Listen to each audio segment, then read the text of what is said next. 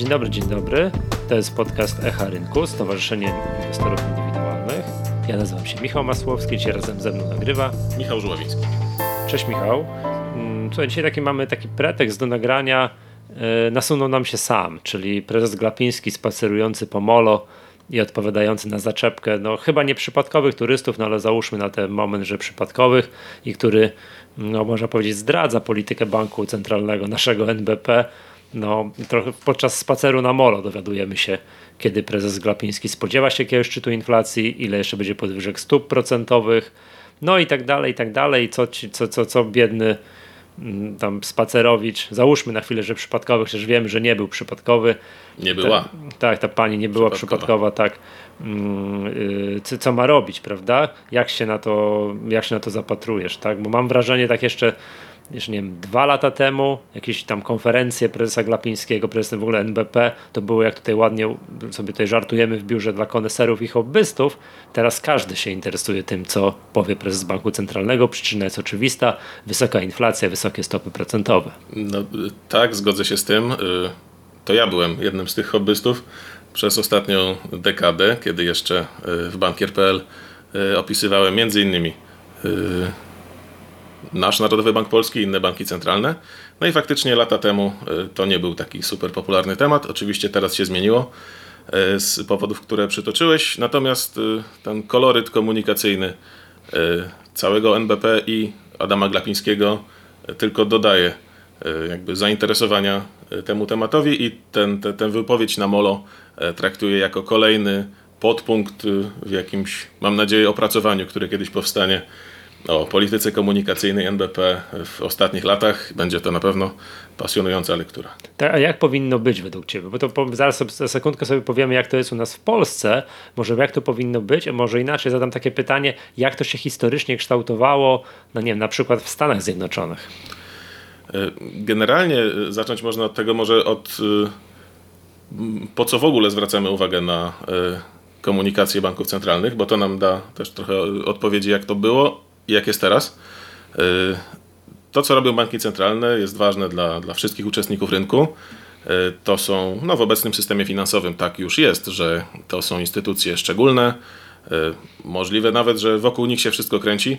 Gdybyśmy taki model heliocentryczny tutaj zbudowali, przynajmniej w ostatnich latach taką tezę można postawić. No cóż, no, decydowanie o stopach procentowych i, i monopol na produkcję pieniądza jest, to są silne supermoce tych superbohaterów. E, i dlatego ich słowa mają znaczenie. E, jak było kiedyś? No właśnie całkiem inaczej niż, e, niż obecnie. Kiedyś, tak do początku lat 90. Mm, ubiegłego wieku, banki centralne generalnie nie komunikowały się w sposób tak otwarty.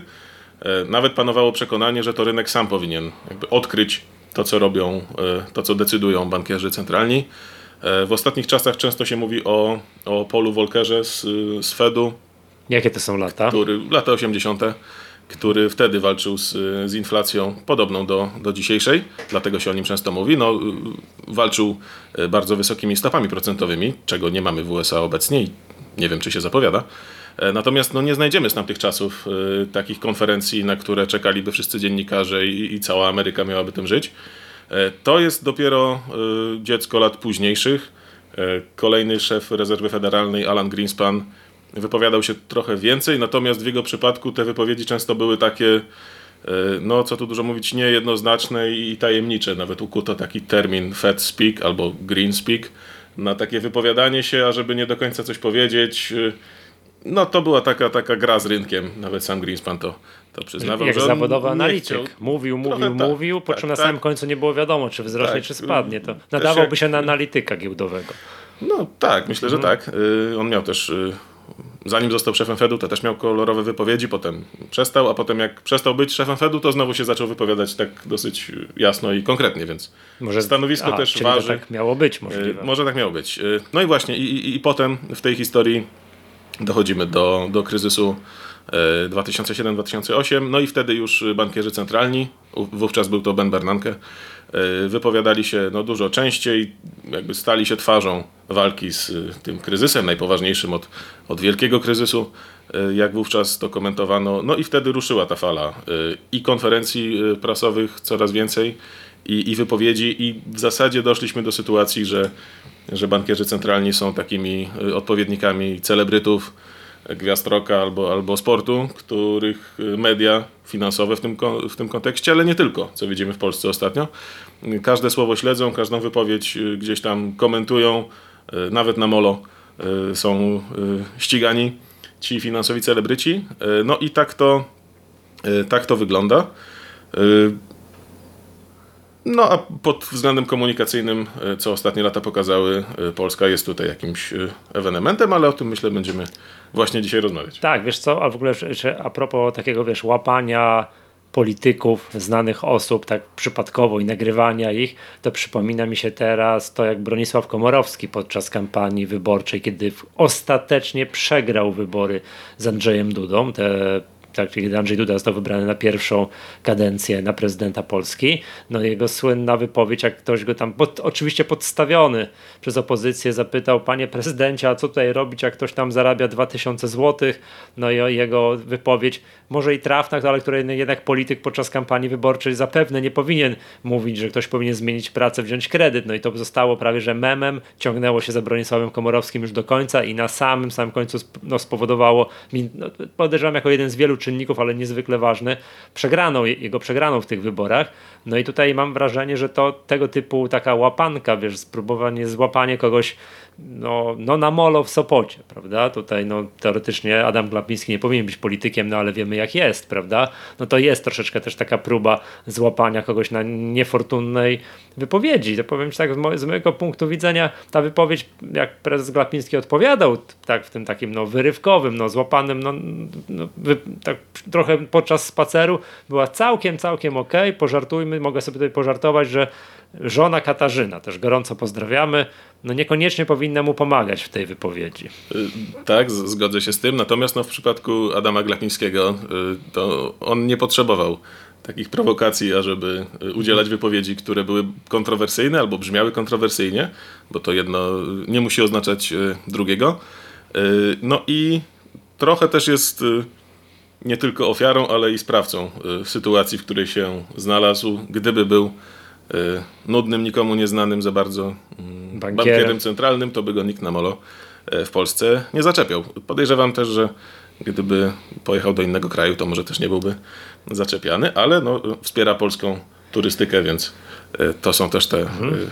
Konsekwencje, które jakieś tam ponosi. Tak, ale wiesz co, ja, tak, mm, ja też jestem jakby taką osobą, która jakbyś mnie zapytał przed 2020 rokiem, a weź zacytuj coś z Adama Glapińskiego, to nie ukrywam, że miałbym problemy, prawda? Mi się też tak wydaje, że on przed 2020, zanim wybuchła pandemia, zanim inflacja zaczęła rosnąć, no nie udzielał się tak za bardzo w mediach, ale przynajmniej ja tego nie odnotowywałem, bo też i sytuacja by tak na, na rynku, wiesz, na, na rynku, w tej, tej całym takiej otoczce, stopy procentowe, inflacja i tak dalej, nie była niepokojąca. Mieliśmy rekordowe albo prawie rekordowo niskie stopy procentowe. Inflacja była no, na spokojnych, niskich, jednoprocentowych, niskich jednoprocentowych poziomach. Wszystko było, wydawało się dobrze, tak? No, któż to śledził wówczas wypowiedzi Adama Klapińskiego? Czy widzisz tutaj jakąś, jak ta komunikacja NBP zarządów Adama Klapińskiego wygląda, wyglądała kiedyś i jak wygląda teraz? Zacznę od, od, y, początku rządów Adama Glapińskiego mhm. w NBP, rok 2016. Y, Adam Glapiński miał już pewnego rodzaju doświadczenie, także komunikacyjne, ponieważ od 2010 do 2016 zasiadał w Radzie Polityki Pieniężnej, więc wiedział z czym to się je. Wiedział, y, i to też był jakiś tam turbulentny czas, ta jego kadencja pierwsza w RPP, kryzys strefy euro i, i tak dalej. Czy on był członkiem Rady Polityki Pieniężnej tak, wówczas? jak, szeregowym. Jak prezes Belka był y, tak, prezesem NBP. Tak, tak, okay. tak. tak. Potem okay. doszło do do zmiany tutaj na tym stanowisku e, właśnie w 16 roku. E, no i cóż, ta, ta pierwsza część jego, jego rządów, nazwijmy to, no była faktycznie taką, taką kontynuacją tego, co, co się działo za czasów Marka Belki. Stóp procentowych wtedy nie ruszano, konferencje, tak jak mówisz, były dla hobbystów. Owszem, pojawiało się tam jakieś parę żartów albo anegdot, ale prezes Belka też nie stronił od tego tak bardzo. No nie miało to wtedy żadnych, y, żadnych jakichś większych y, konsekwencji. Mm, I tak naprawdę, y, co nawet potwierdzają dane, dane Google Trends, to szersza publika poznała Adama Glapińskiego pod koniec 2018 roku i, i na początku 2019 roku, dwie sprawy, afera KNF i potem ta, ta, ta kwestia płac w NBP. A, to, to było coś, czym, tak. czym, czym zasłynął wśród szerszego, szerszej publiczności Adam Glapiński, który też dla, no ale bardziej może znawców polityki nie był postacią anonimową, bo przecież był i ministrem w latach 90. i, i działał no, politycznie w środowisku Jarosława Kaczyńskiego, tak to ujmijmy, więc no ale wtedy się, wtedy dał się poznać szerszemu gronu Polaków. Natomiast nie był to jeszcze ten czas, kiedy, kiedy to, to nie były sprawy związane stricte z, z, polityką monetarną, tak? bo to były jakieś tam sprawy powiedzmy no, no tak, tak. innej natury. I były... tak jak powiedziałeś, pandemia to był ten moment przełomowy pod wieloma względami. E, tak może jeszcze dopowiem, e, że w tym pierwszym okresie, nazwijmy to umownie 2016-2020, e, Adam Glapiński często skupiał się na tym, że jest w Polsce dobrze, że, że, że kraj się rozwija, że gonimy Zachód. Padały hasła takie jak cud gospodarczy. I to też już zapowiadało, że to są pewnego rodzaju słowa, które może nie każdy człowiek przeciętny, przeciętnie zarabiający Polak chce słyszeć. E, że oto mamy jakiś cud gospodarczy. E, natomiast no, w jakimś takim akademickim e, dyskursie można się było z tym zgodzić, no bo faktycznie ten, ten 30 lat, które, które od, od transformacji minęło, no, Polska była w awangardzie światowego wzrostu, to budziło podziw na zachodzie i tak dalej, i tak dalej. Ale to już zapowiadało, że Adam Glapiński niekoniecznie dostosowuje to, co e, może powiedzieć, do tego, co chce usłyszeć, albo co mógłby chcieć usłyszeć jego odbiorca, a to grono odbiorców, no właśnie, po pandemii mocno wzrosło. To było pokłosiem też tego, że NBP się mocno zmienił jako instytucja, jeśli chodzi o politykę uprawianą po, po pandemii. Po pandemii mieliśmy, po, po tym wybuchu pandemii, nazwijmy to, bo nie wiemy kiedy to oficjalnie się zakończy, jeszcze może wrócić. Ale to wtedy NBP zaczął sięgać po niekonwencjonalne instrumenty y, prowadzenia polityki monetarnej. Mm, ścięto stopy do, do zera niemalże. A to powiem ci, to jest, to, to był taki moment, że ja pamiętam, że się wtedy obudziłem. Tak, to jest takie coś, że no, już, był, już wybuchła pandemia, trochę nie, no, byliśmy w ogromnym, w ogromnym czasie niepewności, czy tutaj, no, czy, czy, czy mm, pandemia koronawirusa nie zabije nam jednej trzeciej populacji. Staliśmy przed groźbą zamknięcia, gospodarka zamknięcia, przed groźbą ogromnej recesji. Tak, no wiadomo, historycznie można patrzeć na to różnie, ale wtedy, pamiętam, niepewność była ogromna, i już rozpoczęły się programy rządowe, tam w skrócie tarcza 1.0, tarcza 2.0 i tak dalej, doszliśmy do 8.0. No ja jako ekonomista, no wiedziałem czym to pachnie. Pachnie tylko jednym. Musi nas dogonić inflacja. Takie dosypywanie pieniędzy do gospodarki, czy to będzie później, czy wcześniej, musi nam wywołać inflację. Przyznam się szczerze, że nie spodziewałem się takiej, tak szokowo wysokiej inflacji, jak mamy dzisiaj, no dzisiejszy poziom inflacji mnie nie ukrywam, niepokoi, szokuje i nam nie, nie wiem, no, no, bardzo niepokojąco to wygląda, ale wiedziałem, inflacja musi być wyższa i wówczas przy takim oczekiwaniu inflacja musi być wyższa, cyk, dostaliśmy obniżkę stóp procentowych. No to wiedziałem, że ja wtedy już czułem, że to się dobrze nie może zakończyć. A wracając jeszcze do, do tego cudu gospodarczego, o którym to mówiłeś, to przypomniało mi się, że chyba w 2018 byłem na konferencji 490 w Rzeszowie, bo tak się nazywa ta konferencja, tak, od tego skrótu, co jest na kodach paskowych tak, tak, tak. produktów produkowanych Polski, w Polsce i pamiętam, że były dwa przemówienia podczas tego, tego kongresu. Mm, pierwsze były prezydenta Andrzeja Dudy, a drugie właśnie prezesa Glapińskiego i takie zdrowe 45-minutowe sążniste wystąpienie, podczas którego sformułowanie cud gospodarczy, nawet z takim zapytaniem, no jak to można nazwać inaczej, jak nie cud gospodarczy, no to padło zdrowe 10 razy. Tak, także to pamiętam, że prezes lubił się.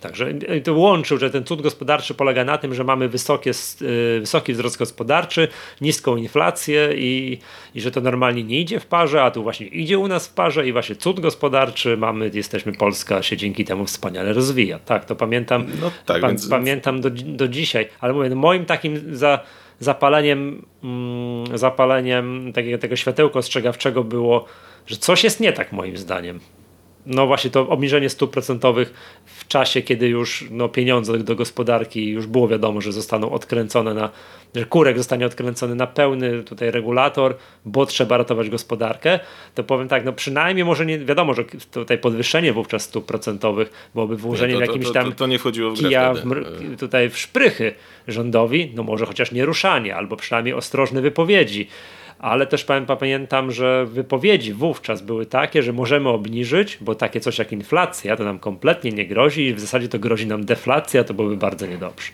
To pamiętam te wypowiedzi i to one były, no no dzisiaj się możemy z tego pośmiać, ale to ja tutaj zażartuję sobie szkolnym błędem. Y, dużo Cy, tutaj... Cytując klasyka. Tak, tak, tak. Cytując tak? klasyka, którego jeszcze potem pewnie, mm. pewnie jakoś omówimy. Natomiast y, rozbierając tę twoją wypowiedź, mm. to tak. W czasie pandemii NBP zmienił sposób działania z, z, takiego konserwatywnego banku centralnego, który dystansował się od, od tego, co robiły banki centralne zachodnie po poprzednim kryzysie, czyli dokładnie to, co powiedziałeś. Obniżanie stóp procentowych, e, skup aktywów i tak dalej. To było grane na zachodzie przez całą poprzednią e, dekadę e, i no i sam fakt, że Polska to zrobiła, nie tylko Polska oczywiście, ale Polska zrobiła to po raz pierwszy w czasie pandemii, nie był aż tak kontrowersyjny, ponieważ po prostu sięgnęliśmy po zachodni podręcznik, nie, nie roztrząsając, czy to jest dobre, czy złe, czy działa, czy nie działa. Yy, I to, to było jakoś tak, tak yy, wówczas yy, rozumiane powszechnie. Natomiast w warstwie komunikacyjnej zdecydowanie odróżnialiśmy się od, od Zachodu, bo o ile przed pandemią, tu o, osobisty wątek, w roku 16 NBP, w sensie kapituła pod, pod egidą NBP, przyznała mi nagrodę dla dziennikarzy, nagrodę Grabskiego za tekst o helikopter money i o, o generalnie tam krytykowałem banki centralne EBC i tak dalej za, za różne tego typu nie, niecodzienne pomysły, więc dostałem nagrodę od Banku Centralnego Gratuluję. za krytykę banków centralnych. Pisałeś się pięknie. No a potem... To, czego Bank Centralny oczekiwał. Tak i, i, to było też jakimś takim dowodem, co, co, co, co NBP wtedy wyznawał, nazwijmy to. No a potem wajcha się, się zmieniła i, i to NBP dołączył do grona tych, którzy, e, którzy robili te różne niecodzienne rzeczy. E, więc no tak, wtedy, wtedy zostało to zrobione. Natomiast co było wtedy też, też istotne, to moment tych, tych bardzo poważnych decyzji, czyli obniżki stóp procentowych do najniższego poziomu w historii. Przypomnijmy, to było z 1,5 e, mm, procent. To były stopy ustalone jeszcze w marcu 2015 roku, jeszcze za, za prezesa Belki. Do, do pandemii nie były one ruszane. To był też najdłuższy w historii Polski okres bez zmiany stóp procentowych, więc mogliśmy i, I, tak się faktycznie stało. Zapomnieć, że coś takiego jest i taki parametr w ogóle występuje. Że ktoś I on się może zmieniać, tak? tak? tak. Mhm. Więc potem Rada to jakby przypomniała wszystkim, y, obniżając je do mm, stopę refer referencyjną do, do 0,1. No ale właśnie, y, ostatnie posiedzenie, y, takie regularne, było, kiedy była jeszcze konferencja prasowa i, i ta komunikacja była taka tradycyjna, to był początek marca 2020 roku, tuż, absolutnie tuż przed, przed lockdownami. No i potem RPP się zbierała tak, że tak powiem, nadzwyczajnie. Y, stopy były obniżane, marzec, kwiecień, maj. No ale już nie było konferencji prasowych, nie było komunikacji. Prezes gdzieś tam występował, a to z premierem, a to, a to gdzieś w innych, w innych wydaniach. Ale widać było, że coś tutaj, coś tutaj zazgrzytało. Y, oficjalnie tłumaczono to bezpieczeństwem pandemicznym i tym, żeby nie, nie organizować zgromadzeń i tak dalej no co było, y, nie, nie, nie, nie waham się tego powiedzieć, uzasadnieniem absurdalnym, bo y, oto działy się rzeczy historyczne, nie tylko w Polsce, ale w czasie, kiedy inni bankierzy centralni, także ze znacznie poważniejszych instytucji, typu Fed czy EBC, yy, gdzieś tam po bardzo długo i, i szczegółowo odpowiadali na pytania y, dziennikarzy, analityków, to, to nasz NBP zamknął się w, w swojej siedzibie i, no i praktycznie nie, nie było nie było takiej, takiej komunikacji zwrotnej, czyli że, żeby zareagował na pytania, których wtedy było bardzo dużo. Więc wtedy był taki bardzo, bardzo duży e, zgrzyt w tej polityce informacyjnej, komunikacyjnej. E, no i, i, i gdzieś to, to, to, to, wrażenie z różnymi tam zmianami, e, myślę, może trwać, trwać do dziś. Więc no, wtedy był taki punkt przełomowy, zarówno jeżeli chodzi o to, co NBP robi, jak i to, co NBP ustami prezesa, ale nie tylko, mówi, a raczej czego nie mówi. Mhm. E, wiesz co, to chciałbym tutaj ten wątek rozwinąć, prawda, bo mm, to co powiedziałeś, że przestały się dziać konferencje prasowe, no i zaczęły się no dosyć, później był ten taki moment, po pierwsze rzecz, brak konferencji prasowych, brak jakbyś tutaj no, argumentowania mm, swoich tutaj, wiesz, postępowań przez, przez, przez NBP to była jedna rzecz, a później zaczęła się dziać druga rzecz, czyli jednak ta inflacja zaczęła nam rosnąć. No i tu się zaczęły dziać moim zdaniem wyjątkowe rzeczy, jeżeli chodzi o tłumaczenie w pewnym, w pewnym momencie no, że niby jest dobrze, tak, a jednak inflacja nam rośnie i wówczas pojawił się te, pojawiły się te takie, no, NBP wyjątkowo długo stał na stanowisku, że mamy inflację przejściową, teraz wywoływana tylko czynnikami podażowymi, takimi, no nie wiem, że nie możemy czegoś tam sprowadzić z Chin i, i, i, i z czymś takim nie walczy się, nie wiem, na przykład podnoszeniem stóp procentowych, no bo co, co nam podnoszenie stóp procentowych, skoro no skoro te części i tak z Chin nie dojadą, ta elektronika i tak nie dojedzie, to też trzeba spokojnie poczekać, aż, aż minie. No i tak z mojego punktu widzenia to wyjątkowo długo się tutaj prezes Glapiński upierał, że te jak mamy czynniki podażowe są decydujące. No znowu tutaj odwołam się do klasyka. No, z dzisiejszego, wtedy oczywiście ten było nie wiadomo, no ale dzisiaj pozwolę sobie na, na, znowu na mało elegancki żart, że był to szkolny błąd. Także zbyt długo się NBP upierał po czym nagle nam szokująco podniósł stopy procentowe. Kiedy to było? To strasznie dużo. W październiku zaczęły się podwyżki stóp procentowych. Ja tutaj może na chwilę się osadzę w roli niecodziennej dla mnie, czyli będę bronił prezesa Glapińskiego. Mianowicie dlatego, że ten, ten, ta narracja, używając brzydkiego słowa, którą opisałeś o przejściowej inflacji, nie była tylko domeną polską. To był pogląd, który formułowali też inni bankierzy centralni, w tym na przykład Jerome Powell z, z Fedu.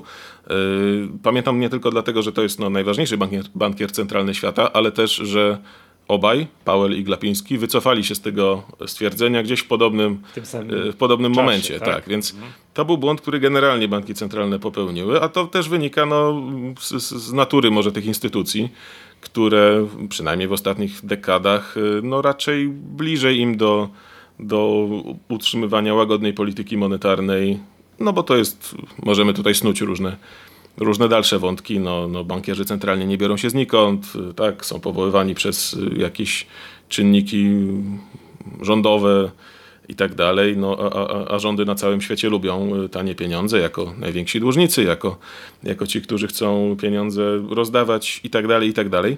Więc no tutaj się po prostu bankierzy centralni brzydko przejechali na czymś, co, co, co może sądzili, że jeszcze im gdzieś tam ujdzie na sucho.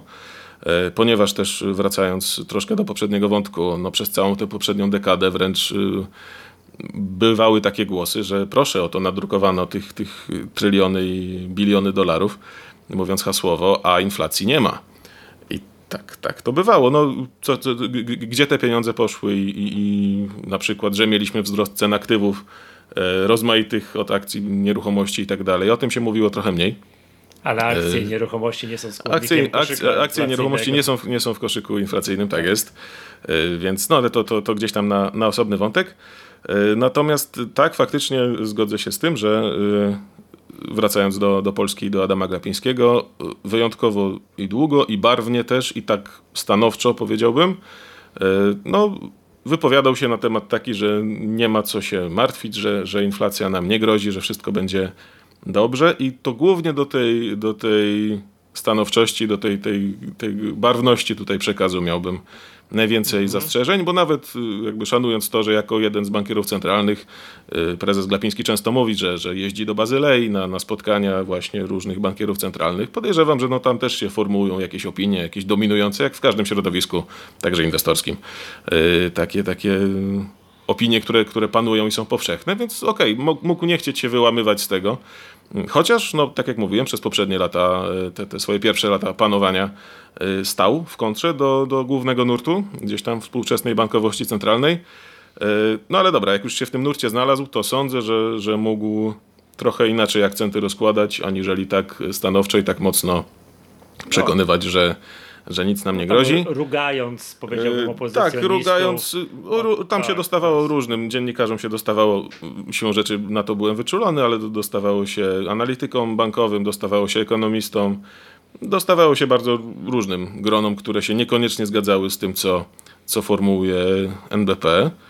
E, no, często, często prezes Glapiński mówił, że, że NBP dysponuje najlepszymi danymi, najlepszymi analitykami, najlepszym zespołem. Nie mam zamiaru teraz tego jakoś kwestionować ani się licytować, ale trochę takiej pokory i tego, że każdy, nawet dysponując najlepszymi danymi, może się pomylić w szczególnie bardzo niespokojnych i, i, i turbulentnych czasach to trochę tej pokory by się każdemu przydało, a już na pewno bankierom centralnym na, na, na całym świecie. No i takie postawy gdzieś występowały, gdzie, gdzie mm, pojawiały się opinie, że, że ta inflacja może jednak nadejść, że to może nie być przejściowe. Bankierzy centralni długo się bronili przed tym podglądem, ale musieli w końcu skapitulować przed rzeczywistością, bo, bo kolejne dane pokazywały, że ta inflacja jest, będzie, zostanie z nami, no i, i, i dalej się z nimi. Robić. Tak, i, i, trzeba coś z nią robić, no bo to jest główne zadanie banków centralnych współczesnych. One zostały powołane i tak trochę oddzielone mm, formalnie od, od rządów i od, od y, władzy wykonawczej, tak to nazwijmy. No właśnie po to, żeby jako niezależne instytucje walczyć stać z na straży pieniądza. inflacją, stać na straży e, pieniądza, e, tak jak to NBP miał na swojej stronie jakiś czas temu. Dbamy o wartość złotego albo wartość pieniądza, nie, nie pomnę teraz. Był taki napis w prawym górnym rogu, rogu strony. Nie ma go obecnie, ale zniknął jakiś czas temu już. E, są narzędzia, które pozwalają sprawdzić archiwalne wersje stron internetowych, więc tam to można sprawdzić. No, jakiś symbol, a może przypadek, a może nie ma przypadków i tak. są tylko znaki. Wiesz co, jak tu wspomniałeś o tym, że jakby masz tutaj duże zastrzeżenia tej barwności wypowiedzi, tej rugania ekonomistów, dziennikarzy, różnych po polityków opozycji i tak dalej, to moim zdaniem to jest bardzo ważny wątek, tak? bo to jest coś takiego, że ja stoję na takim stanowisku, że prezes NBP to powinien być nudny, prezes w szarym garniturze, którego wypowiedzi są niezwykle wyważone, daj, dają, którego wypowiedzi dają jakąś przewidywalność y, przed, mm, no mówiąc to rynkowi kapitałowemu, prawda? No bo to jest tak, że od tej wiarygodności banku centralnego w bardzo dużej mierze zależy no, no wiele rzeczy, w szczególności siła waluty, tak? Tutaj, tutaj siła złotego. Ja mam taką wrażenie, że teraz przy no, bardzo wysokich kursach i dolara i euro płacimy troszeczkę płacimy troszeczkę cenę za, mm, no, za, za tą, no, powiedziałbym, politykę komunikacyjną banku centralnego. Ja wiem, że wpływ na kurs złotego do, i do dolara i do euro ma bardzo wiele czynników, ale jednym z tych czynników jest moim zdaniem właśnie ta stabilność, przewidywalność mm, działań banku centralnego. Jeżeli zachodni inwestorzy gdzieś z londyńskiego City czy z Nowego Jorku postrzegają nasz bank centralny, no co tu dużo mówić, za niepoważny, tak? No to tak siłą rzeczy. W, trudnych czasach no mniej poważnie traktują i jak mają czasami do, gdzieś, to jest jeden z wielu czynników, który, czy, który ma czasami znaczenie, czy wychodzimy z danego regionu, czy wchodzimy w dany region, oczywiście tak, no to, to, to też tam na pewno swoją cegiełkę dołożyło. Wiem, że tu teraz obrońcy prezesa Glapińskiego powiedzą, ale wojna, ale różne inne czynniki, dlatego tutaj waluta, znaczy te inwestorzy zagraniczni uciekają, a polski złoty się, się osłabia, to ja bym tutaj powiedział, powiedział dobrze, to prawda, wojna, czynniki zewnętrzne, ale wśród czynników wewnętrznych bym wymienił tą taką no, szalenie niefrasobliwą politykę, tą barwną, kolorową, którą tak ci inwestorzy patrzą i mówią tak naprawdę? To tak ma być, że prezes tutaj. No, dzisiaj dzisiaj na, tak Bloomber na, na Bloombergu gdzieś tam widziałem właśnie tłumaczenie tej sprawy, którą żyje Polska. Czyli o tym. O, o, tak, tak, o, rozmowie na molo. No i właśnie wyobraziłem sobie tych. tych yy finansistów z City, którzy czytają o tym, no takie informacje się pojawiają z różnych krajów, takie właśnie zabawne, no niestety znaleźliśmy się w ich, w ich gronie. No, no z całą pewnością nie pomagamy sobie no tą tak, polityką to... komunikacyjną, y, bo tak jak powiedziałeś, jest tu szereg czynników, które wpływają na na złotego, no ale y, powinniśmy mieć świadomość tego, że Polska no, nie jest najważniejszym krajem dla, dla rozmaitych analityków i, i rozmaitych y, inwestorów i ta nasza historia mm, wolnej Polski 30 lat to też nie jest jakoś bardzo długo, więc tę wiarygodność, y, stabilność, przewidywalność trzeba budować. Owszem, zrobiliśmy jakieś tam kroki na, na, na tym kierunku, ale no zawsze tak jest, tak, że coś, coś można szybko stracić jakiś, jakiś wizerunek i szkoda byłoby, gdyby właśnie komunikacja Banku Centralnego się do tego przyczyniała. No jednym z takich y przykładów jest to słynne konto twitterowe biura prasowego NBP, które przyznam szczerze nie wiem kto prowadził. Nikt tam się nigdy nie podpisał prezes Glapiński na jednej konferencji był wręcz zaskoczony, że taka komunikacja jest, jest prowadzona, tak? No to na pewno nie pomagało te wszystkie tweety o tym, kto jest kierownikiem polowania i czy ogary poszły w las, tak? No tutaj no finansowy tak, tak. Twitter wie, wie o co y. chodzi tutaj, tak? To, to, to, to zostało w internecie, także no to ma duże znaczenie. To jeszcze wracając do tej poprzedniej wypowiedzi, gdy jest nazwijmy to poważna polityka banku, ta komunikacyjna banku centralnego, to bardzo często jest tak, to się na tym rynku finansowym bardzo wiele opiera na zaufaniu. to bank centralny czasami nic nie musi robić. Nie musi obniżać, podnosić stóp, nie musi interweniować na rynku walutowym, nie musi tej waluty kupować, sprzedawać. Wystarczy, że coś powie. No I tak. czasami to wystarczy, żeby uspokoić jakąś tam sytuację, nie wiem, jakieś ekstremalne odchylenia kursów walutowych, czy jakichś oczekiwań inwestorów. Wystarczy, że coś powie. No to jak mamy, ale to jest wówczas przy tym idealnym scenariuszu, że, którym powiedziałem właśnie, że prezes banku centralnego jest nudnym panem w szarym garniturze i który to niezwykle wyważone wypowiedzi, który i, i, rynek w dłuższym terminie nabiera tego zaufania i traktuje, traktuje poważnie. Tak? No i teraz to tak to wygląda. Nie chciałem zapytać jeszcze Ciebie, jak to ma taka komunikacja, bo to dla rynków takich, takich globalnych to wiemy, a jak ta komunikacja, takie znaczenie dla zwykłych Kowalskich, tak? No bo to na samym końcu są ci biedni Kowalscy, którzy mają wysokie stopy procentowe, wysoki kurs walutowy, no i to je, jest jakiś tam problem, co powiedzieliśmy sobie, że kto to 5 lat temu się interesował takimi rzeczami jak, jak stopy procentowe, czy co prezes banku centralnego, jakbyśmy zrobili jakiś czas temu wyrywkową ankietę na ulicy, kto jest prezesem banku centralnego, na pewno wiedziało mniej osób niż teraz. Tak, ja też jestem, też jestem przekonany o tym, a, a od jakiegoś czasu, yy, od no, końca tamtego roku, albo nawet troszkę później, jak do ludzi już zaczęły dochodzić te, te zaktualizowane harmonogramy spłaty kredytów, czyli jakieś pół roku temu, no to mam wrażenie, że, że konferencje Glapińskiego prezesa Glapińskiego to jest coś porównywalnego do, do meczów Igi Świątek i, i Roberta Lewandowskiego. To są nazwiska, które rozgrzewają emocje w całym kraju.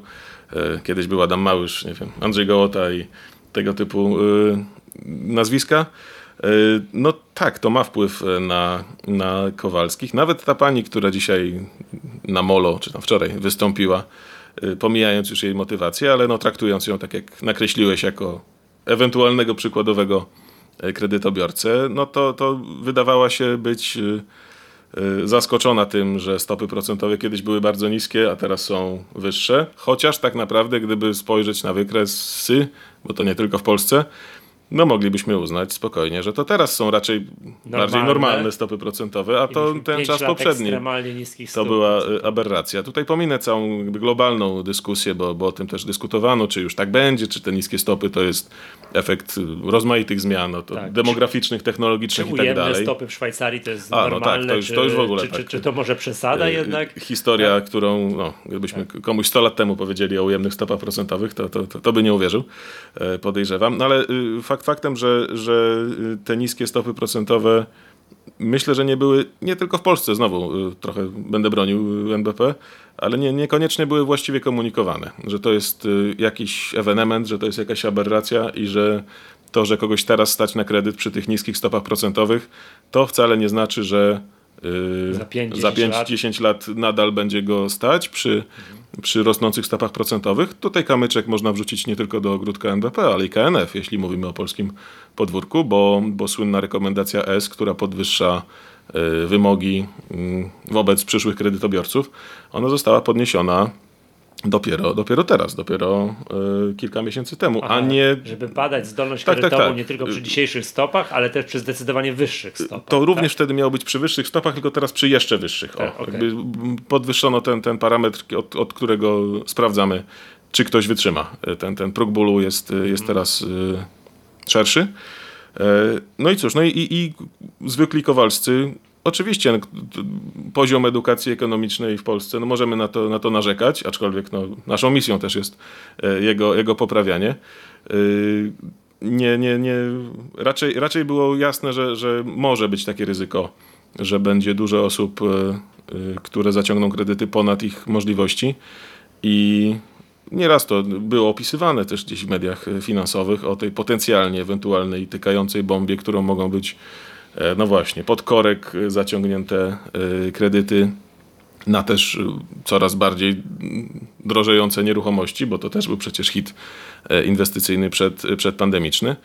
No i cóż, no i mamy to co, to, co mamy. Myślę, że gdyby częściej komunikowano zarówno NBP, jak i inne instytucje, że te niskie stopy to są tylko i wyłącznie, no właśnie, na chwilę, nawet mówiąc o tych po, po pandemicznych, tych naprawdę już prawie zerowych, nie mówię o tym całym okresie od 15 roku, no to, to, to tej komunikacji też nie było. I to było raczej, ktoś mógł mieć wrażenie, że on na przykład zarabia już tak dobrze i tak dobrze się sprawy w kraju mają, skoro też wszyscy uspokajają oficjele wszyscy, albo przynajmniej większość, że nie ma powodów do obaw i że, że szkolnym błędem byłyby jakieś tutaj ruchy. no to ktoś mógł uwierzyć, że jest, mówiąc brutalnie, że jest bogatszy niż jest.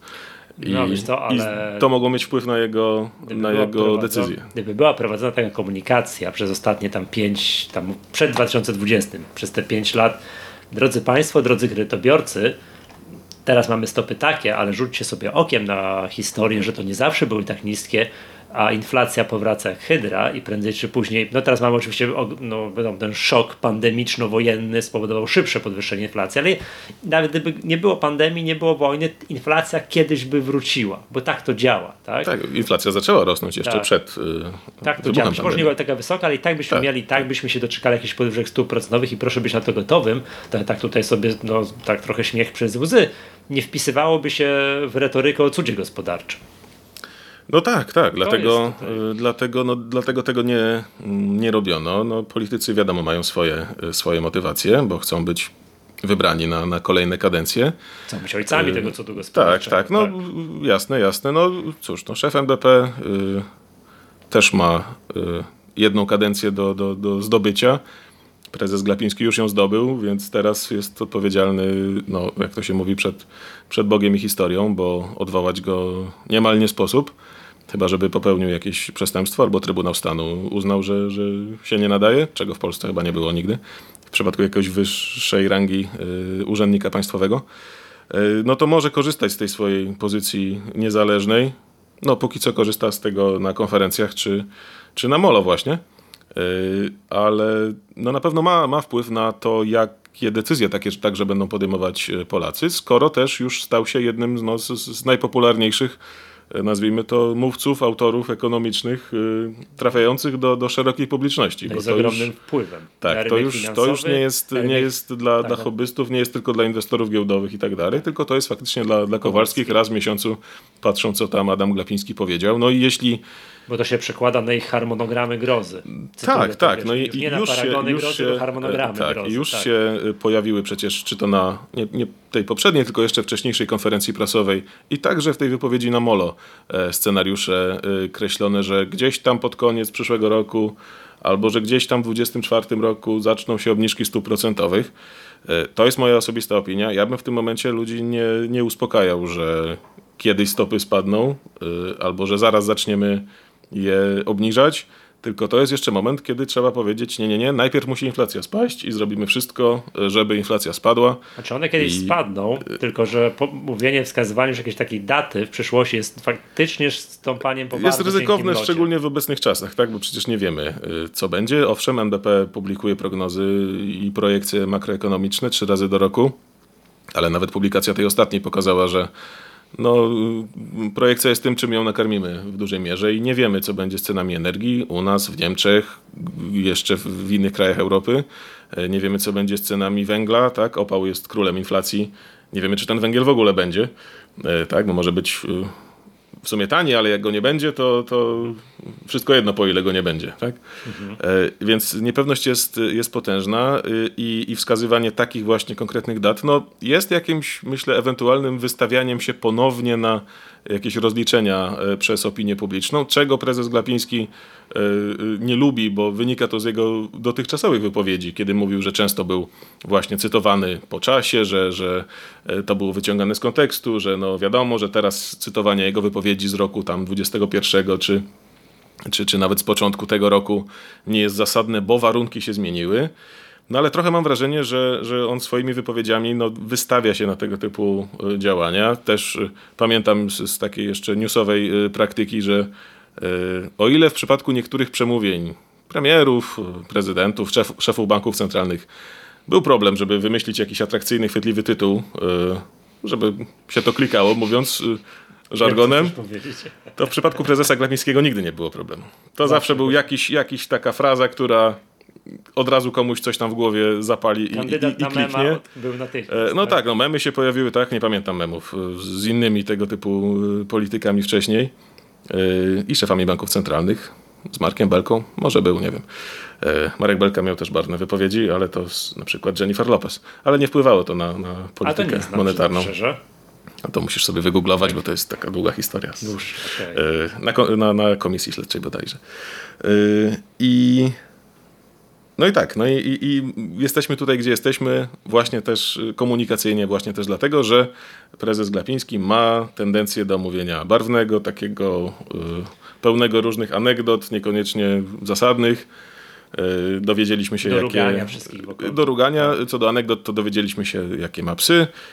Nie wiem, jakie psy ma Jerome Powell czy, czy Mario Draghi, jakie miał kiedyś. Y, o właśnie, Mario Draghi to jest dobry przykład y, bankiera centralnego, który mówił no według mnie nudno, przynudzał. Ciągle mówił, że ta inflacja musi być tam w strefie euro, wtedy był taki cel inflacyjny poniżej, ale blisko 2% i tak dalej. Czasami jak oglądałem jego konferencję, to ja już, kiedy padało pytanie, to już wiedziałem, co on powie i on to mówił. Kiedy pada pytanie do Adama Glapińskiego, nie mam pojęcia, co, co zaraz wyskoczy i czego się, czego się dowiemy, co no, ma swój urok, ale, ale powagi czasami instytucji nie dodaje, a na dodatek obecnie no, sytuacja jest jaka jest i, i, i inflacja boli y, wszystkich, a niektórych bardzo. Myślę, że nie ma teraz y, ani tak elokwentnych, ani tak żartobliwych, ani tak celnych wypowiedzi, które mogłyby kogoś pocieszyć. Teraz jest y, czas na jakąś suchą techniczną komunikację, bo no, nie rozweselimy kredytobiorców, którzy, którzy mają te harmonogramy grozy, jak mówiłeś. Tak, zanim zadam jeszcze tutaj jakby pytanie takie, powiedziałbym, takie filozoficzne, to pozwolę sobie tu przytoczyć jeszcze jeden przykład, jak moim zdaniem nie powinna wyglądać polityka banków centralnych, czyli mm, nieprzygotowanie rynku w żaden sposób na tą drastyczną podwyżkę stóp w październiku tak, zeszłego roku. To bardzo wysoka, bardzo wysoka podwyżka mm, i która Mm, no, była zaskoczeniem dla rynku i prezes Glapiński powiedział, że to specjalnie było zaskoczeniem dla rynku. No, w mojej skromnej opinii właśnie te działania komunikacyjne Banku Centralnego powinny przygotowywać. My powinniśmy jako finansiści, zwykli kowalscy z grubsza wiedzieć, co ten bank centralny planuje na kolejne kwartały, czy oni tam, jaka jest ta perspektywa, czy oni będą się podnosić, już może obniżać, czy będą tam, nie wiem, skupować walutę, sprzedawać, że jak, czy te, ten złoty według nich jest za mocny, za silny, że taki perspektywa takich kilku miesięcy dla rynku mniej więcej powinna być znana i to nie powinno być żadnych królików z kapelusza, bo to nie no nie wiem, to nie producenci gier, że to nagle z zaskoczenia piękny trailer nowej, nowej gry nam pokazują i to jest takie zaskoczenie jest fajne. Jak CD Projekt tweetnął kiedyś BIP kątem cyberpunkowym po latach. Tak, to było fantastyczne oczywiście, no ale to, a, ale to jest fajne w przypadku spółek, które mają coś do sprzedania, w przypadku banków centralnych, które nie, mają nic do sprzedania, taka polityka jest moim zdaniem no, naganna takie, że a jeszcze podkreślanie tym, że właśnie chcieliśmy rynek zaskoczyć, no to ja się złapałem za głowę, no bo to właśnie powoduje tą ekstra niepewność no, z punktu widzenia choćby inwestorów zagranicznych i że i jak to powinno, no to, i to, to, to jakaś po prostu otworzyłem szeroko oczy, że oto nasz bank centralny prowadzi taką politykę komunikacyjną, i tu właśnie chciałem Ci zadać pytanie, takie masie filozoficzne. To mianuję Cię od jutra prezesem Banku Centralnego i jak gdybyś był takim prezesem Banku Centralnego, to, to co byś zrobił? Jakbyś to poprostował, porobił? Zaraz się do tego odniosę, natomiast muszę się wcześniej odnieść do tego, co, y, co powiedziałeś w nieco inny sposób. Mianowicie ta wtedy październikowa obniżka stóp procentowych, która faktycznie była gdzieś podwyżka. tam. Y, podwyżka stóp, przepraszam.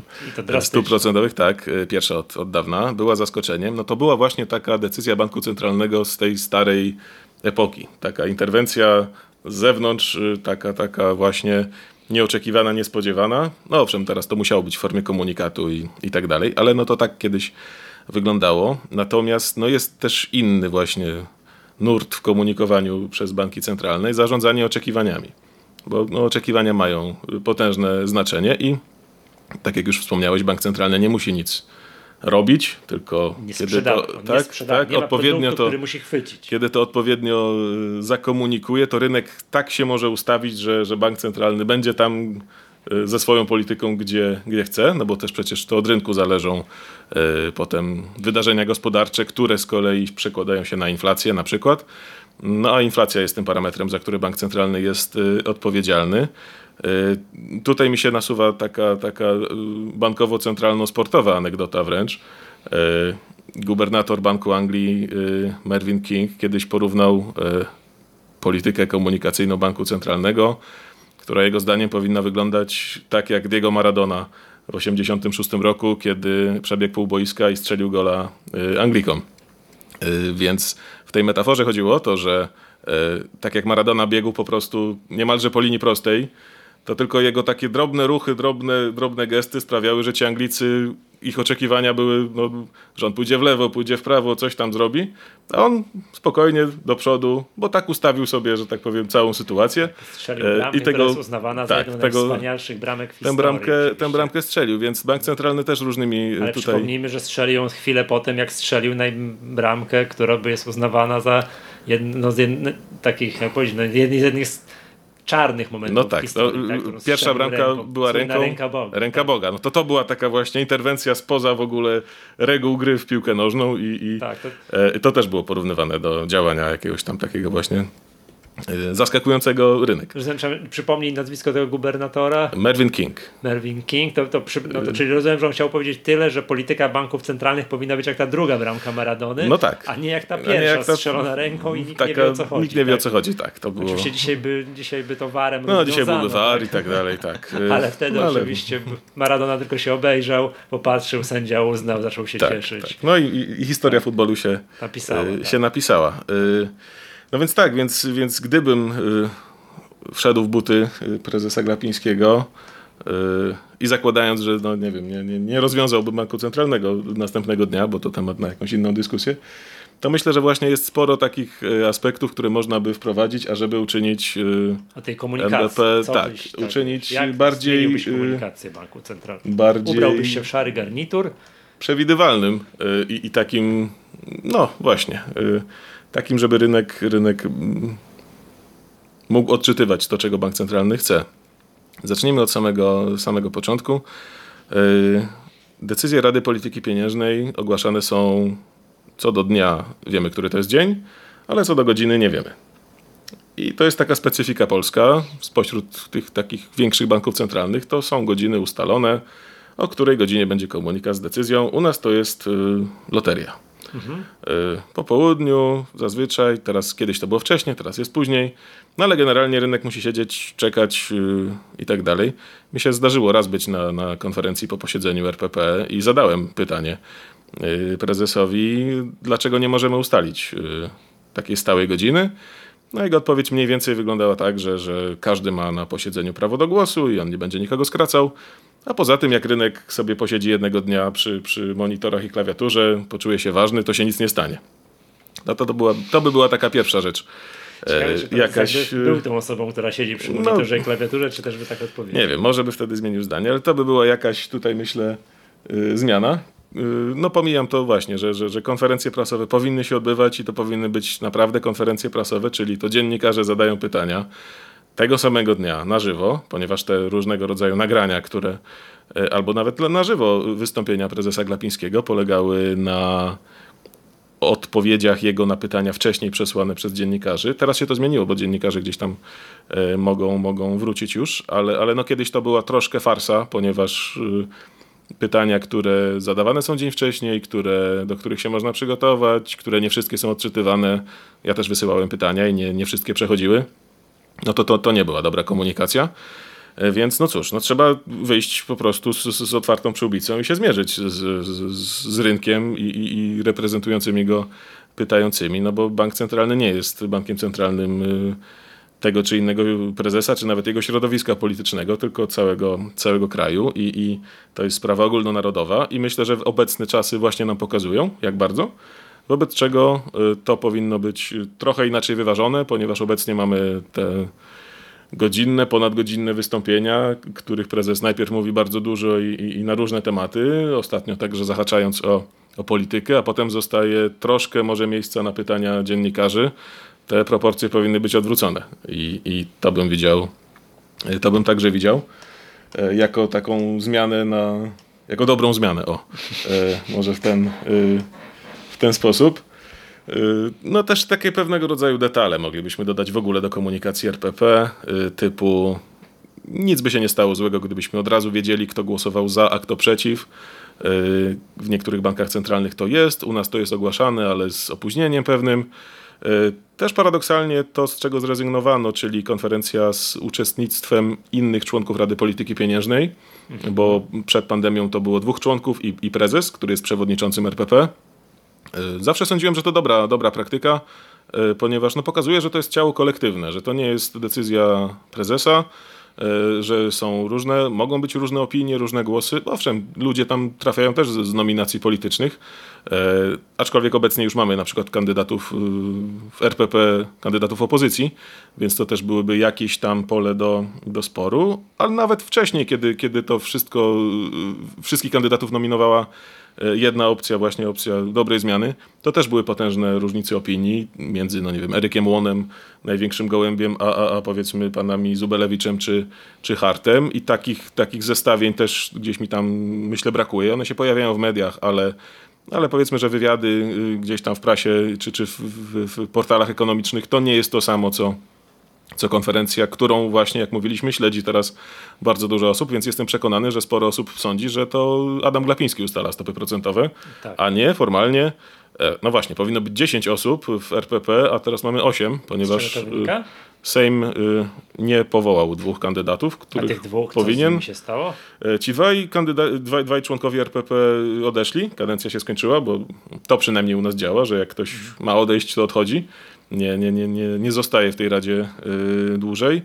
No a Sejm y, gdzieś tam w, w, tym toku kontrowersji i w toku... Ferworze walki. W, tak, ferworze walki wyborczej, y, politycznej, wyborczej coraz bardziej też, ale tych wszystkich niejasności, czy Adam Glapiński zostanie, czy nie, to gdzieś myślę ta, ta dyskusja o ka tych kandydatach umilkła i, i, może to komuś umknęło, może jest to jakimś innym z innego powodu, ale fakt faktem, że mamy w RPP 8 osób, a powinien być Sejm, Senat, prezydent reprezentowani w równej, e, w równej mierze.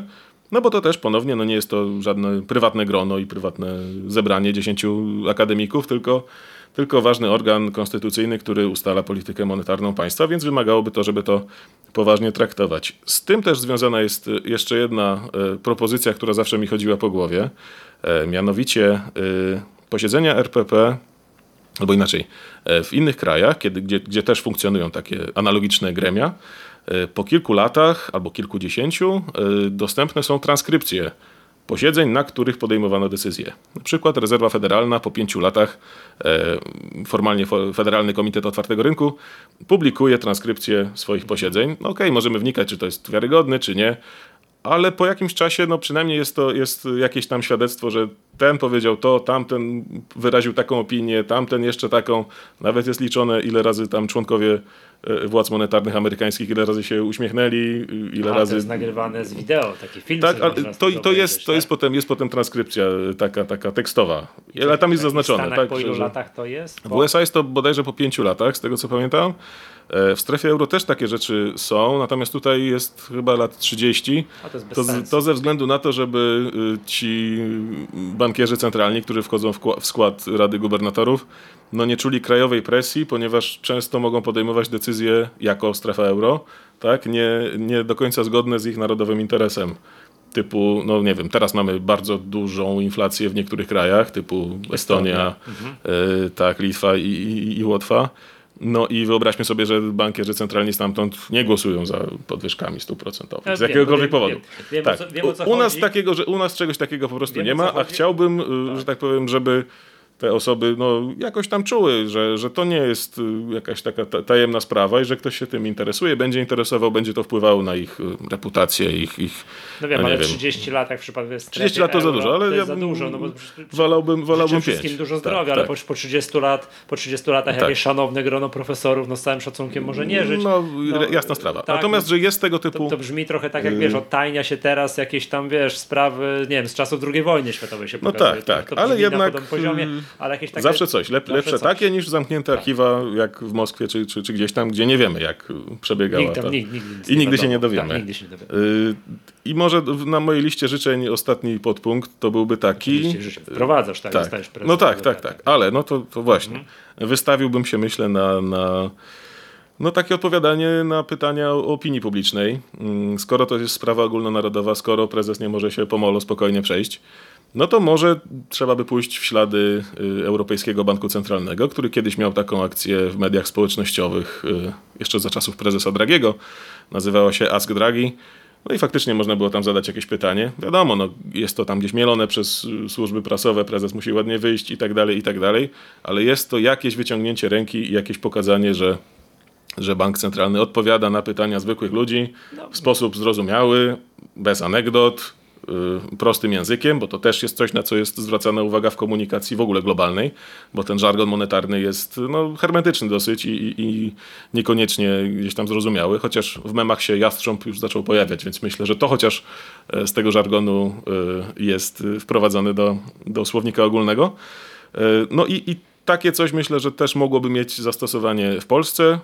Hashtag zapytaj Glapińskiego, czy hashtag zapytaj Żuławińskiego, gdyby tak było, to, to myślę, że też mogłoby to być. Nie, Oczywiście no, masz z jakichś... na Twitterze, z którego korzystasz, no wyobrażam sobie, że no, mogliby cię tutaj kredytobiorcy na Twitterze pytać, żeby ty byś mi odpowiadał. Tutaj oczywiście nie można się zapędzić w coś, z czego właśnie co poddaliśmy krytyce presa Glapińskiego, jak tak. on odpowiada. Ale Tak zebranie jak jakichś zostałbyś pytań- presem NBP, no Tak. to ta komuni- musiałbyś niezwykle wyważony sposób prowadzić te dyskusje na Twitterze. Tak, Myślę, że dałoby się to y, nie jakoś, łapał za słówka, ani nie kpił w podcastach jakoś zrobić też w takim tak? charakterze, charakterze edukacyjnym. Jak prezes. Banku Centralnego. No właśnie, tak. Tak? Tak, no takie pyta- odpowiedzi na pytania y, prezes Glapiński miał w swojej karierze, no poza tym na Molo. Tam mi się jeszcze przypomina zorganizowana przez NBP jakaś akcja, kiedy odpowiadał na pytania Roxany Węgiel. Nie wiem, czy kojarzysz? Nie, nie kojarzę, ale to... Y, Wokalistka y, dla młodzieży, No tak dzieci, właśnie nie wiem, tak coś takiego. kojarzyłem. Myślałem, że pytasz... Tak, no, no, tak, no. tak, tak. I ona, ona zapytała o... Nie kojarzę, bo myślałem, że pytasz jakąś postać No, ekonomiczną, nie, nie, nie. a tymczasem coś mi się świtało. Tak, z- to była... Wiesz, o postać z show biznesu, to jednak to miałem... To, To dobrze był, to był właśnie tak? show biznes, to był Dzień Dziecka y, któryś, 19 rok bodajże. I ona zapytała między innymi prezesa o to, dlaczego NBP kupił złoto. I tam zostało to wyjaśnione. E, Zapadł mi ten fakt w pamięci, dlatego że ja i, i, mój kolega redakcyjny Krzysiek Kolany dobijaliśmy się miesiącami do NBP. No jako dziennikarze zajmujący się między innymi tutaj złotem, siedzieliśmy nad tym, opisywaliśmy, wyliczaliśmy ile to NBP kupił, a po jakiej cenie, a co tam. Nie dostaliśmy odpowiedzi. Dostaliśmy odpowiedź, że nie jest to komentowane. Po czym na Dzień Dziecka Roxanie Węgiel to było e, za, zakomunikowane, więc e, skoro tak, to może w jakichś ramach, no nie wiem, rozmaitych rozmów e, prezesa Banku Centralnego z rozmaitymi postaciami też byśmy się czegoś więcej dowiedzieli miałoby to może więcej pożytku niż e, stand-up ekonomiczny, jak to ostatnio usłyszałem. E, no, można się z tym, myślę, jakoś zgodzić, bo to taką formułę zaczęło nabierać. Dobrze, i tak Michale, jeszcze na koniec już tutaj byśmy odeszli, może dali spokój temu prezesowi, biednemu prezesowi Glapińskiemu. Oczywiście gorąco go pozdrawiamy. Pozdrawiamy i życzymy mu wszystkiego dobrego, bo to nie jest y, jakaś krytyka, bo jedziemy na tym samym wózku. I ja bym wolał kiedyś, żeby miał swoją ulicę, pomnik i tak dalej, niż miałby być zapamiętany jako ktoś, kto przegrał z inflacją, bo wtedy my też przegramy i, i Tak. no Jeszcze właśnie. chciałem zapytać się, taka, co teraz się dzieje, wiesz, to mówię, co w RPP, kiedy jakieś zmiany, kiedy ewentualne zmiany w stopach procentowych, jak tutaj, kiedy się kończy kadencja prezesowi Glapińskiemu, kiedy się znowu będziemy emocjonować, kto tam zostanie prezesem NBP To i od, tak od tego najkrótszego horyzontu, y, teraz RPP jest na wakacjach. Czy zasłużonych, czy nie, to niech już każdy oceni. Prezes na molo. Y, Prezes na Molo. Y, Kolejne posiedzenie wyznaczono na 23 sierpnia, ale to jest posiedzenie niedecyzyjne tak zwane. Kiedyś było tak, że w miesiącu się Rada spotykała dwa razy i raz to było decyzyjne, raz niedecyzyjne posiedzenie. Teraz jest ten harmonogram troszkę inny. No więc w tym sierpniu będzie to spotkanie, na którym teoretycznie nie będzie decyzji o stopach procentowych i jest to tak komunikowane, że, że nie należy się tego spodziewać. Natomiast no, trzeba pamiętać, że Rada Polityki Pieniężnej może się w sumie zebrać w dowolnym momencie, kiedy tam będzie miała odpowiednie, odpowiednie kworum, podjąć decyzję, tak jak to było na przykład y, w tych czasach pandemicznych, więc tutaj nie znamy dnia, dnia ani godziny, gdyby się miało coś stać, no ale jeżeli się nic y, wielkiego nie stanie, to takie regularne posiedzenie y, będziemy mieli na początku września, bodajże 7. No i wtedy prawdopodobnie, tak jak nawet słyszeliśmy na Molo, e, zapadnie kolejna podwyżka, decyzja o tak. podwyżce stóp procentowych. No i właśnie, będzie to, będzie to dosyć ciekawe, ponieważ jeśli w, teraz już w takim razie RPP jest zakładnikiem z tych słów, e, słów e, prezesa Glapińskiego, czy to będzie taka, i czy to będzie ostatnia, czy to będzie zakomunikowane, ponieważ no, no właśnie, nie, nie znamy rozwoju sytuacji inflacyjnej i jeszcze są prognozy rynkowe, które wskazują, że te stopy mogą jeszcze wzrosnąć. Ale zobacz, to jest y dzięki tej wypo słynnej wypowiedzi na Molo, którą tak tutaj przy, przywołujemy. To jest kształtowanie oczekiwań. To jest kształtowanie tak, oczekiwań. Tak. Rynek już wie, czego się spodziewać. Ta, ta, ta, ta rada może nie, nie, nie tyle jest zakładnikiem, co przynajmniej już wiesz, nastroje prezesa są mm, jasne, co do jak on widzi te. To, mo, to może, tak. może jest właśnie to, to, ten. To wpisuje się troszeczkę w to, co mówiliśmy. No niech ten rynek zna mniej więcej, jaka jest perspektywa na kolejne, no na kolejne tak. Y- miesiące, kwartały. Niech to nie będzie jakieś mega zaskoczenie, tak jak w październiku. Tak, więc tutaj, roku. tutaj może no? ten, ten. Zobacz, to przydała się do czegoś, wiesz, dyskusja na, na molo. No tak, zawsze więcej informacji dla rynku to, to, to lepiej niż mniej. E, więc tutaj może, może faktycznie jesteśmy już w trakcie tego driblingu Diego Maradony mm, poprzez Molo. E, natomiast e, no stopy procentowe, tak, należy się spodziewać podwyżki. Zobaczymy właśnie, jak to zostanie zakomunikowane w jakiej, w jakiej formie mm, to otrzymamy. No potem oczywiście kolejne, kolejne posiedzenia. Jeszcze, jeszcze oczywiście NBP będzie jakoś tam reagował na, na to, co się dzieje na świecie. W tym tygodniu na przykład są, y, jest decyzja Europejskiego Banku Centralnego, w przyszłym tygodniu rezerwa federalna. No nie jesteśmy w próżni, tak? Więc, więc to, co się dzieje, to, co się działo na, na złotym, te, te drastyczne kursy, y, to też będzie gdzieś tam pewnie wpływało na, na decyzję mm, RPP. Y, oczywiście potem już harmonogram dalszy do końca roku jest, jest stały i, i, i nie będzie przerw dalszych, czyli jedno posiedzenie na miesiąc przynajmniej. Y, natomiast w tym dalszym horyzoncie, o który zapytałeś, no z prezesem Glapińskim będziemy przynajmniej do 2028 roku. Oczywiście, jeśli się nic tragicznego nie stanie, ani nic absolutnie nieprzewidzianego. Chociaż Donald Tusk ma na ten temat inne zdanie, ale tak. to, już, to już są no, to jest, to jest kontrowersja polityczno-prawna, czy, tak. czy ta kadencja jest legalna, czy nie. No, tutaj nie, nie rozstrzygniemy tego, tego sporu. Y, sam fakt, że też możemy chyba już nazwać, że to jest y, kampania wyborcza już, już trwa i że w, w, w, centrum tej kampanii znalazł się Narodowy Bank Polski, no to też pokazuje, jakie emocje teraz są związane z tą instytucją i że ta komunikacja czy przez sam NBP, czy wokół NBP jest myślę tym, tym bardziej istotnym tematem. Jestem szalenie ciekawy, jak to się będzie rozwijać, bo ta komunikacja NBP wpisze się yy, w kampanię wyborczą. Mam takie podejrzenie graniczące z pewnością, że drożyzna, za którą opozycja obwini w 100% rząd i, i prezesa Glapińskiego, będzie jednym z głównych motywów wyborczych, który ma tak, tej kampanii, który w przyszłym roku bodajże są no tak, wybory, tak, tak? tak, Więc jestem ciekaw, jak ta komunikacja Banku Centralnego wokół tej kampanii wyborczej będzie się kształtować. No, czy będzie to agresywne ruganie opozycjonistów, czy też może prezes Glapiński skręci w kierunku, tak jak tutaj nie wiem, mówiłeś w kierunku takiego chłodnego, technicznego, wiesz, no, wykładu ekonomisty bez wdawania się w emocje i mówienia o swoich psach i, i tak dalej, i tak dalej. No, no już z dwojga złego to może lepiej o psach niż, niż o opozycjonistach albo tam tak. y, przeciwnikach politycznych. No mam nadzieję, mogę, mogę tylko mieć nadzieję, że, że NBP nie będzie wpisany w walkę wyborczą. To było paradoksalnie coś, co było jakimś tam czynnikiem ryzyka na początku tej kadencji w 2016 roku, gdzieś tam przez analityków zagranicznych. I, no i w tej pie pierwszym etapie rządów Adama Glapińskiego tamte obawy się nie sprawdziły, bo mieliśmy no, radę oczywiście z jednego nadania, ale nie było wtedy jakichś tam takich bardzo politycznych gestów i, i kroków. Wyobrażać sobie możemy, że wtedy już ktoś mógłby zmienić stopy procentowe, żeby nieba przechylić rządowi, a tego nie było. E, no więc y, potem owszem różne tam koleje losu i różnego rodzaju wypowiedzi i spotkania i tak dalej. No wolałbym, żeby, żeby bank centralny był poza tym, tym głównym nurtem polityki. Wręcz w sumie myślę dobrze by było, gdyby prezes banku centralnego niekoniecznie lubił się z ekipą rządzącą, każdą, tą czy inną. To troszkę kasus taki jak w przypadku szefa Najwyższej Izby Kontroli, tak? kiedy Marian Banaś nagle się okazał Niekoniecznie, że mu po drodze ze, ze wszystkimi zaczęły się kontrole, skrupulatne, jakieś tam różne rzeczy. Na tym obywatele mogą korzystać na różnych tego typu sporach.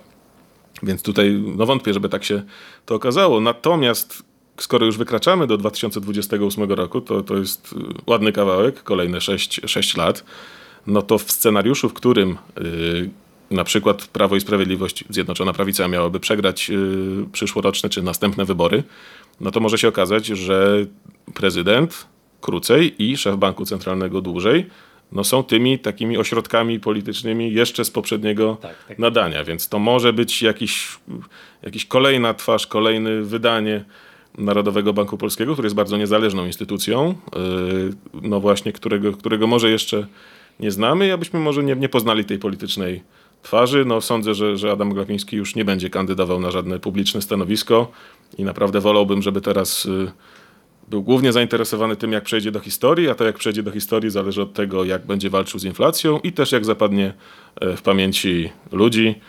E, No, tak jak mówiliśmy, przy całej tam dozie y, krytyki, to jedziemy na tym samym wózku i, i każdy, kto ma zło- złotego w, kieszeni i w portfelu, to, to raczej powinien kibicować, żeby ta walka z inflacją się okazała skuteczna. Jak, jak wygląda jak dru- drugi, a nie pierwszy gol maratonu. Tak jest. Dobrze. Dzięki serdeczne, to był podcast Echa Rynku. Ja nazywam się Michał Masłowski, się razem ze mną nagrywał. Michał Żuławiński, bardzo dziękuję. Do usłyszenia następnym razem.